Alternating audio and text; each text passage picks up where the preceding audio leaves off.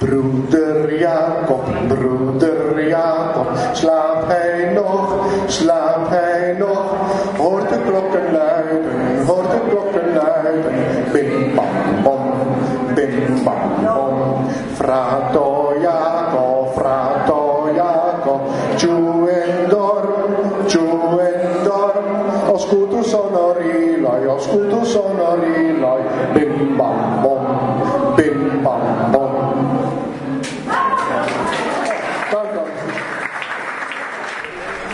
Varsovia vento.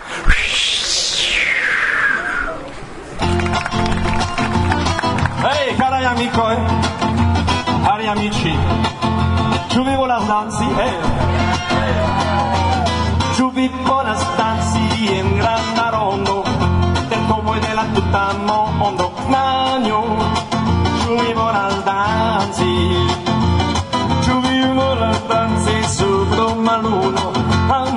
la la, ma tu non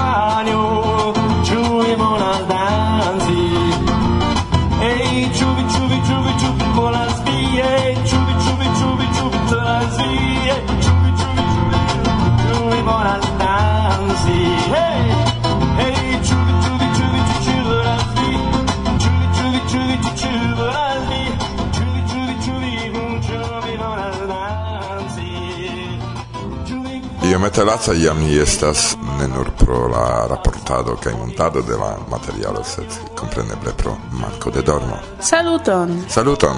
Se vi estas eh, rimarkemaj, sendube tuj vi rimarkos laŭ la datoj de la partoj, ke inter ili mankas unu tago. Jes, ĉar laŭ programe ĵaŭdo estis tago de ekskursoj kaj partoprenis en tiuj ankaŭ ni. Por la partoprenantoj krom la busaj organizitaj estis ankaŭ la bicikla kaj perpieda ekskursoj. Kaj vespere post la reveno en kongresejon okazis la internacia vespero, sonojn de kiu ĝuste plejparte plenumos hodiaŭan raporton. Sed ne nur, intertempe vi aŭdos rakonton de Svetlana Smetanina el Rusio pri instruado de Esperanto en la Mazaraj lernejoj antaŭ la kongreso kaj impresojn de kelkaj partoprenantoj pri diversaj aferoj.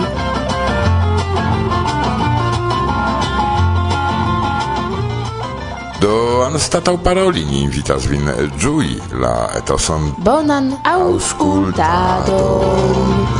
Ĉu vi volas sidi en granda salono? pasis la deca cae duono. Nanio, moe!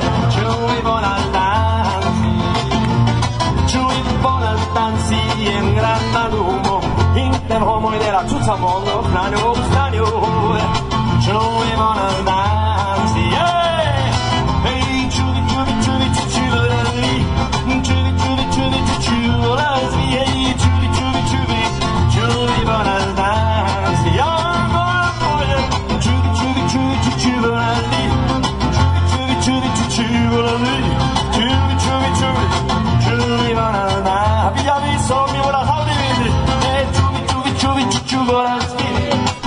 čuvi, čuvi, čuvo razvi, čuvi, čuvi, čuvi, čuvi, ola danci, Suno, maro kaj esperanto en la bela sicila urbo Mazara del Valo. Mi bonvenigas vin al auscultado de la quina rapporto pri la sepdecnaua Esperanto Congreso en Italujo. Anime sentu vin kun ni. Cora in salutoin al ciui auscultantoi de Varsovia Vento. Bonan auscultadon! En la Sicila urbo Mazara del Valo, nome de la organiza comitato, parolas Brucio Casini.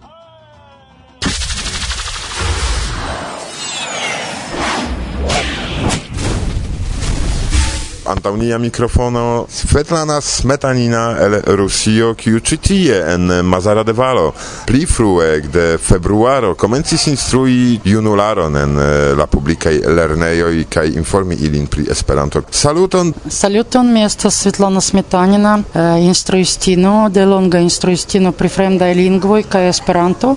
Mi loĝas en Moskvo kaj mi estas profesia instruistino pri lingvoj kaj tio plaĉas al mi.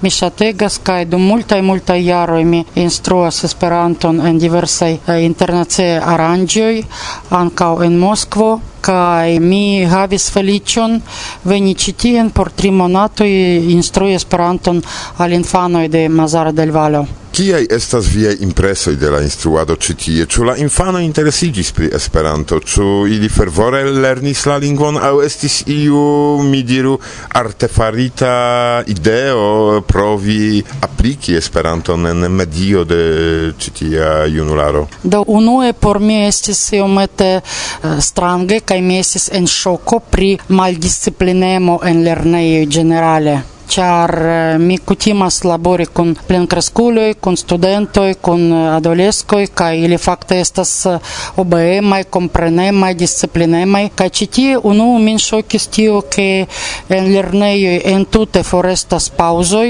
oni ne ellasas infanojn el klasĉambroj kai ili restas tutan tempon en klasĉambroj, ili petolas, ili ĵetas iujn aferoj unu al la alia, ili estas ege bruemaj, sed ĝenerale la ideo estas bonega.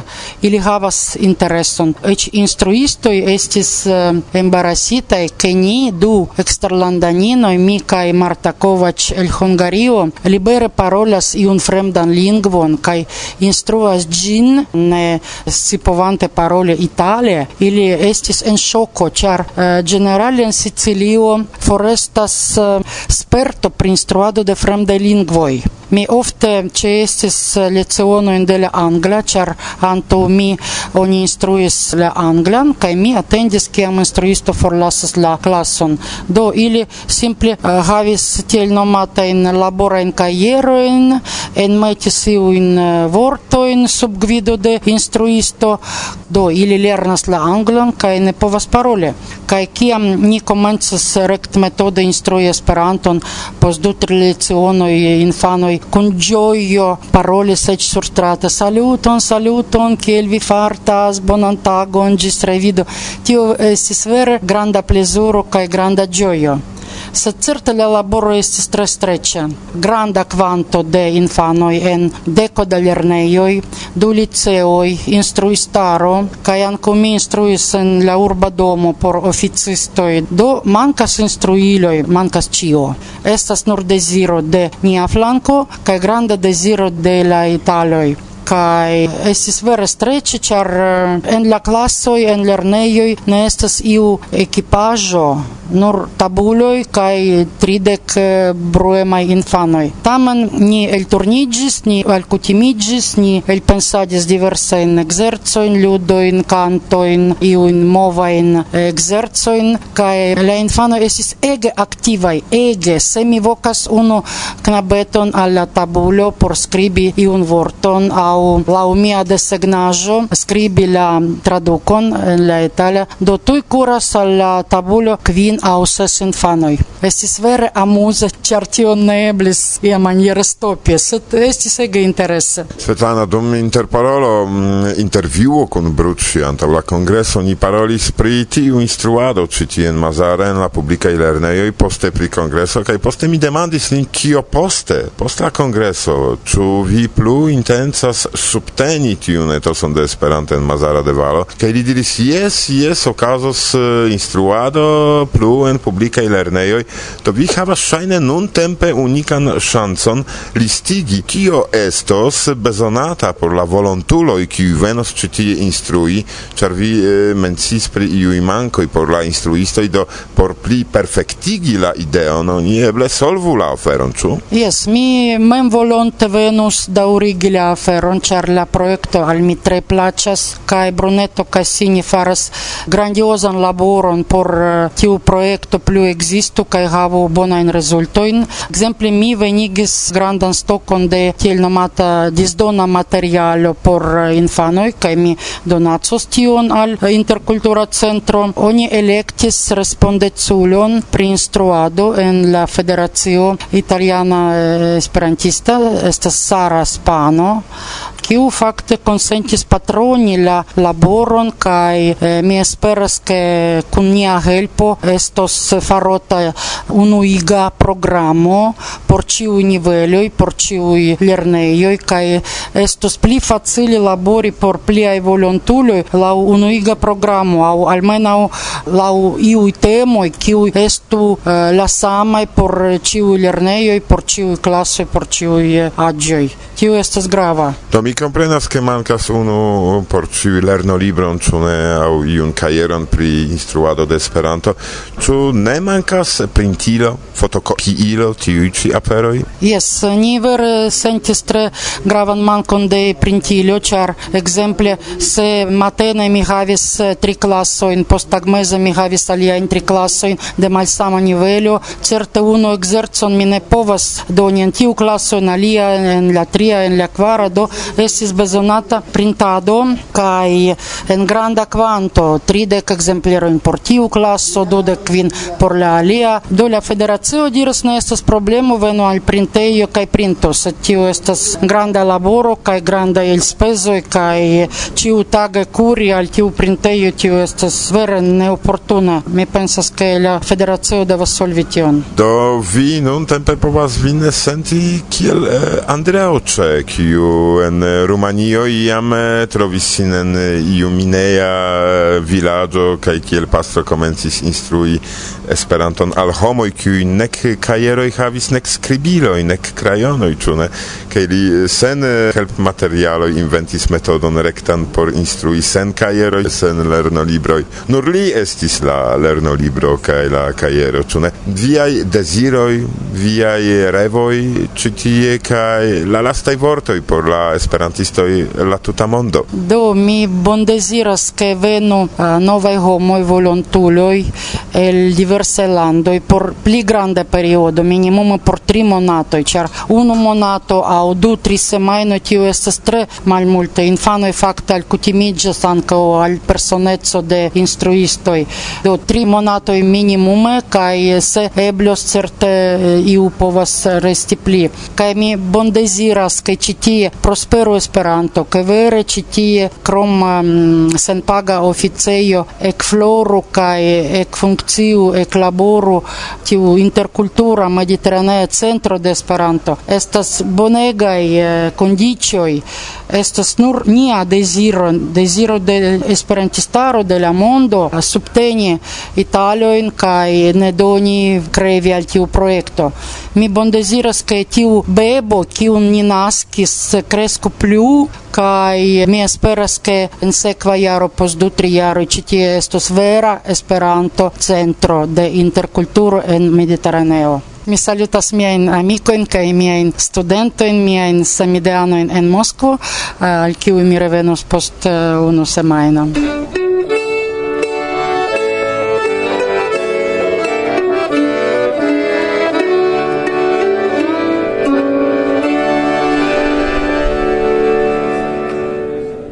passa via vento, bla bla bla.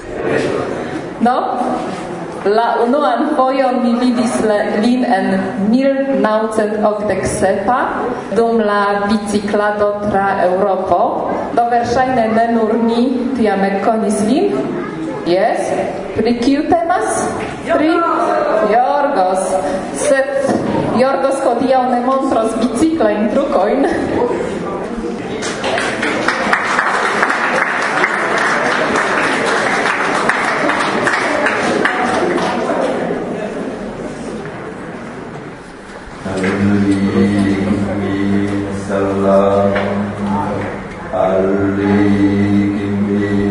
sallam. Alaihi wasallam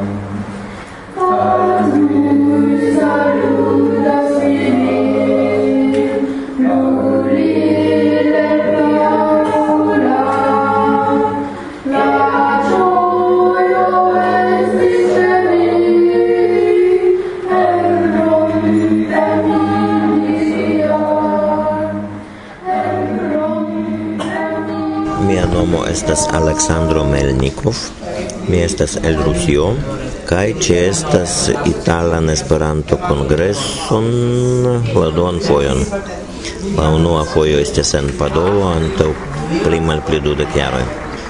Do, kio plaĉis al mi en ĉi tiu kongreso, kio okazas en Mazara, compreneble tre bonaj e con la urbaj funkciuloj kaj tio ke la aranĝo pasas ne en iuj rezervejoj getoj sed ofte okazas ekstere tiel ke simple urbanoj vidas kiaj estas esperantistoj kiel sonas Esperanto kaj tiel plu Kaj tio estas tre grava, ĉar unu el niaj grandegaj mankoj estas ĝuste, ke neniu vidis vivan esperantiston, neniu aŭdis esperantan parolon kaj supozas, ke ni estas uh, ie en la alia mondo aŭ mi ne scias kie sed ne ĉi tie. Do tio estas gravega pluso de la kongreso. Se mi parolos plu, tio daŭros multe pli longe. Mi ĝojas saluti absolute ĉiujn, kiuj konas min, ke laŭ miaj kalkuloj estas pli malpli dek mil personoj. Do mi salutas ilin ĉiujn. Bonŝancon al ili kai ĉion bonan.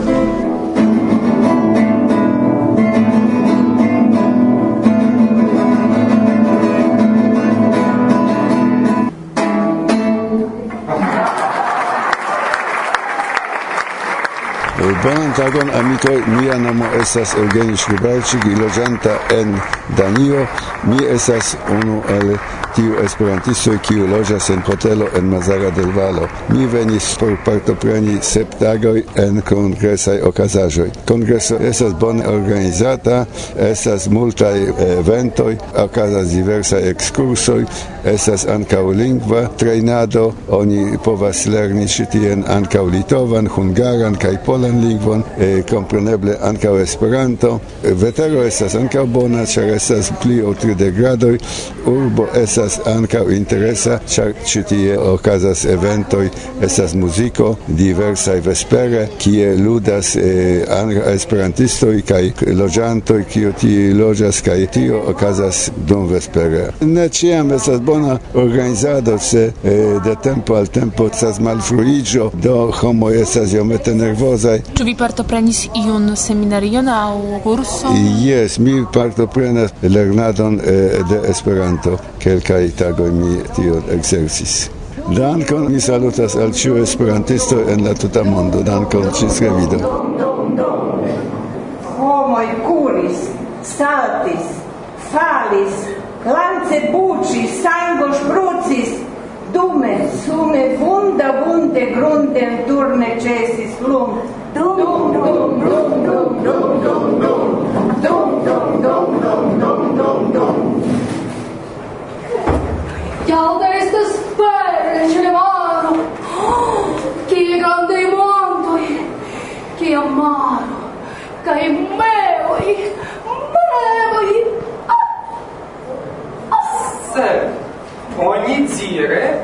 la vivo estas tro multe costa. Oh, mi occupigas de la junulara programo dum eh, itala i congresso iam de calca iaroi. Mi comencis simple char eh, mankis complete junulara programo kai presco mankis eh, junularo entute.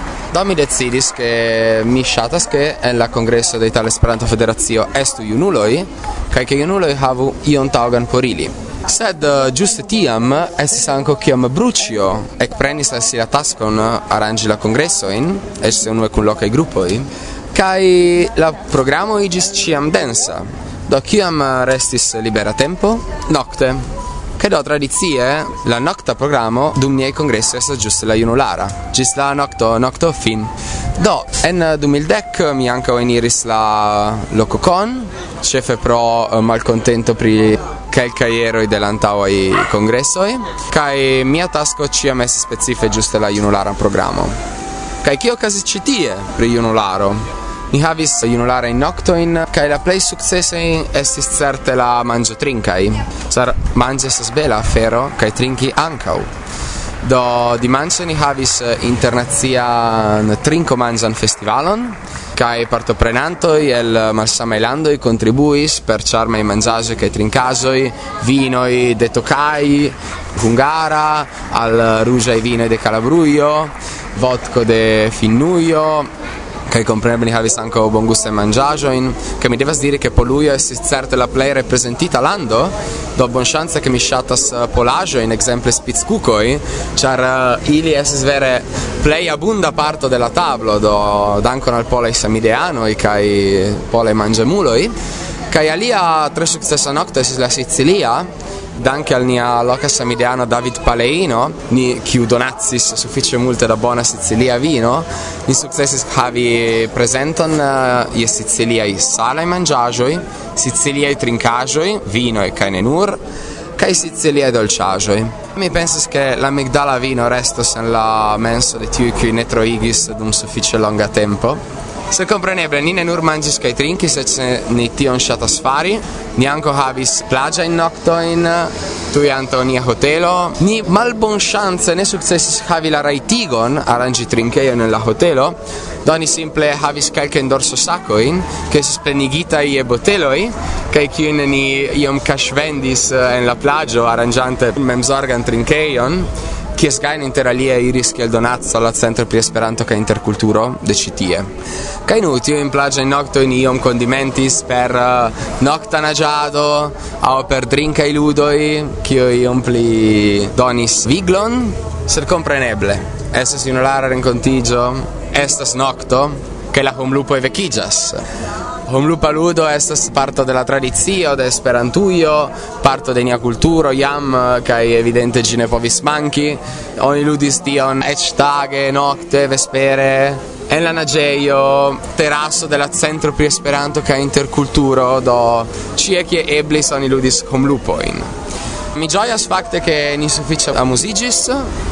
Ni eĉ ne bezonis ebriiĝi, ŝajne estis ĉiukaze bona etoso mi tre esperas che dumberonta iaro denove sostiunuloi che li esos pli multnombraj kaj che nia junulara programo esto denove pli vigla kaj aktiva kiel kaj pli bone ol la ĉiara. Kiom da junuloj alvenis? Nu, la difino de junulo estas iom subjektiva, sed se mi volas calculi che gli unuloi tiui qui agias inter dec tri cae tridec, mi devas dire che ili esas versaine inter tridec cae quardec signife multe por congreso kies kvanto eh, da junuloj oni calculis per mano antaŭ kelkaj jaroj. Mi estas Michael Boris Mandirola, loco coano de la sepdeknaŭa Esperanto Kongreso en Italujo.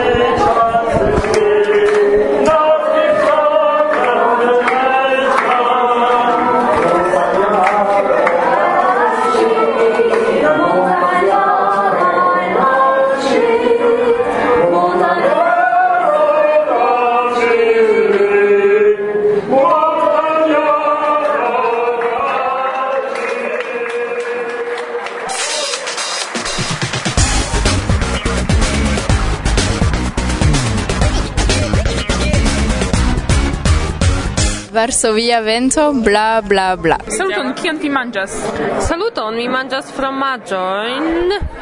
Estas multe da tipoj da fromaĝoj kaj ankaŭ mi havas iun eh, disviandan eh, globon.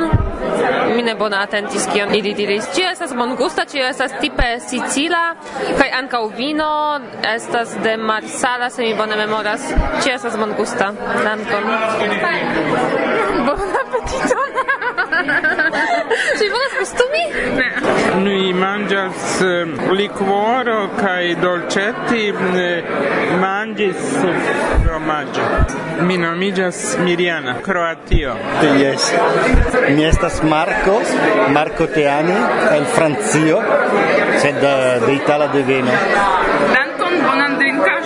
Dankon Marta. Bonan drinkaĵon al vi. Mirka Bieruń, Pollando. Mi manĝas fromaĝon sicilian. Estas bongusta. Kaj mi trinkas limonan vodkon aŭ ne scias kie estas. Estas kun alkoholaĵo. Bongustas. Mi manĝas tipan sicilian kukon, kiun oni iam manĝis dum la unua paska eh, matenmanĝo.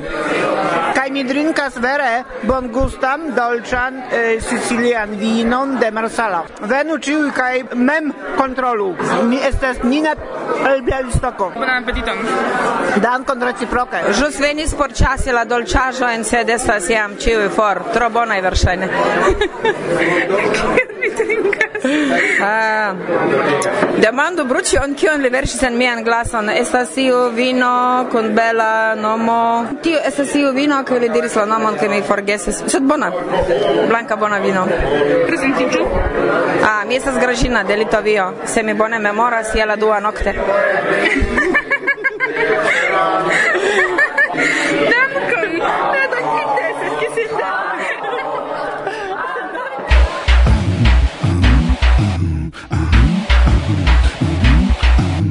La excursa tago hodiaŭ ne okazis la kutima vespera koncerto.